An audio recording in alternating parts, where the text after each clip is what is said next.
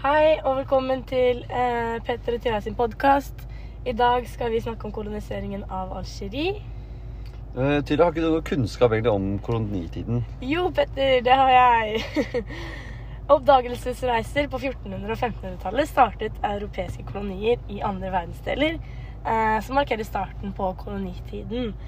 Eh, først fra midten av 1800-tallet ble det, med, ble det betydelig mer europeisk aktivitet i Afrika. Og den industrielle revolusjonen gjorde transport lettere, og ny teknologi ga europeerne en overhånd for eh, de som allerede bodde i Afrika. Eh, noe som kjennetegner kolonitiden, er eh, trekanthandelen som eh, gikk mellom Europa, Vest-Afrika og Amerika. Da ble varer fra Europa, eh, typisk tekstiler og våpen, fraktet til Vest-Afrika for salg eller byttevarer.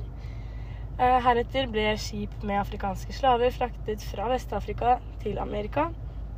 Og nye varer som sukker, tobakk og bomull ble lastet om bord og transportert til Europa fra Amerika, og slik gikk det i en slags trekant. Koloniene ga nye markeder med nye verdifulle råvarer, som bl.a. gummi. Eh, og diamant og gull i f.eks. Ghana og Sør-Afrika skapte stor interesse for europeerne. Slik ble det et slags eh, kolonikappløp eh, for landene i Europa. Det var hovedsakelig Frankrike og Storbritannia som hersket i Afrika. Eh, men det var også andre land som hadde kolonier, slik som Italia, Spania, Portugal, Tyskland og Belgia. Eh, det var ikke alltid lett for eh, de europeiske landene å overvinne de afrikanske landene, eh, da de møtte motstand fra de afrikanske innbyggerne. Det var som regel nederlag da europeerne hadde mer avansert våpen og teknologi. Eh, men, men britene fikk faktisk sitt eget nederlag mot Zululand i 1879. Eh, da eh, innbyggerne i Zululand var langt flere og mer aggressive, kan man si. Ja. Britene vant for så vidt et nytt slag mot dem en måned senere. Det var Italia som hadde store kolonier i Øst-Afrika. Og, land, øh, og det er to land som aldri ble kolonisert, og det var Etiopia og Liberia. Det var mindre i fokus da første verdenskrig kom, men det var først etter andre verdenskrig, da FN ble opprettet, at øh, koloniene ble avskaffet. De fleste landene i Afrika ble selvstendige på 1950-, 1960- og 1970-tallet. Koloniseringen har avgjort hvor mange landegrenser ligger, og opptrådte mange stater som har samme navn i dag. Under koloniseringen bosatte mange europeere seg i Afrika, og dette ser vi spor etter i dag ved f.eks. at kristendommen er utbredt i mange afrikanske land. Blant de landene som er mest preget, finner vi Algerie, Angola, Mosambik, Sør-Afrika og Rhodesia. Veldig spennende. Tusen takk, Tyra. Eh, da skal jeg snakke om konsekvensene av koloniseringen i Algerie. Eh, Algerie ble gradvis kolonisert eh, i 1830 av Frankrike. Eh, og den franske invasjonen gjorde slutt på osmanernes rike, altså det tyske styret, og den lukrative piratvirksomheten ble mm, stoppet.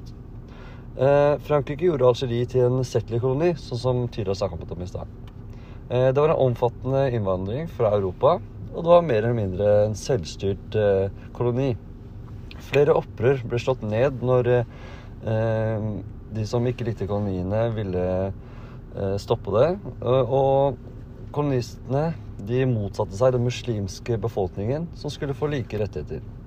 Og en væpnet eh, frigjøringskamp startet i 1954.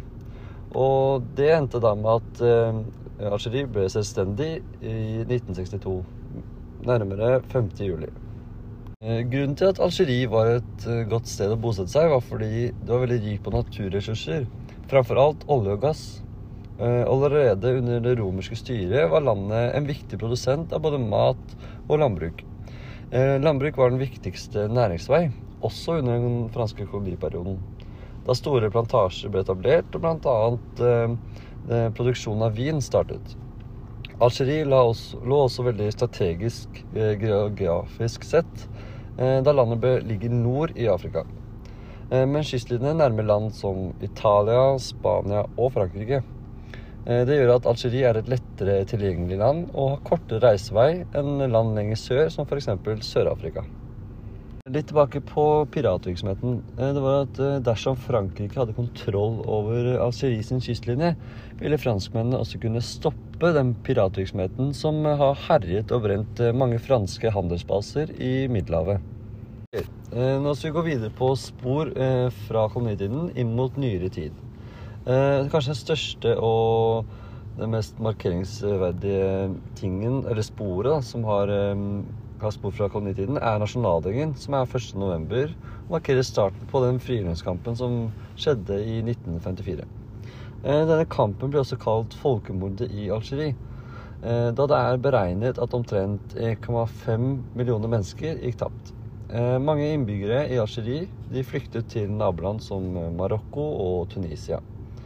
FLN, som var en islamsk politisk parti, vant et valg i 1962 som gjorde at eh, Algerie klarte å holde seg stabile. FLN had, har fått uh, mye kritikk for å innføre ettpartis- et som gjør at uh, de kun har makt og ikke tillater demokrati. Islam er jo den mest utbredte regionen i Algerie. Og hovedstaden er Alger. Alger ligger helt nord i landet. Eh, noe som er spesielt med det er, med Algerie, er at Sahara-ørkenen dekker ca. 80% av hele landet. Eh, og bare Atlasfjellene er det som skiller middelhavskysten fra den varme og tørre ørkenen. Og i dag har Algerie ca. 44 millioner innbyggere. Det offisielle språket i Algerie er arabisk og tamasikt, samtidig som mange snakker fransk. Her er det flest fransktalende eh, i et land etter Frankrike. Frankrike tok med seg kristendommen inn til Algerie når de koloniserte dem. Men når muslimer ble valgt i 1960-årene, ble kristendommen fordømt og presset ut av landet. Eh, FLN innførte militært styre, som etter hvert eh, førte til en borgerkrig i 1980-årene. Det var det vi hadde for i dag. Eh, vi har brukt SNL, Wikipedia og historieboka som kilde. Tusen takk for oss.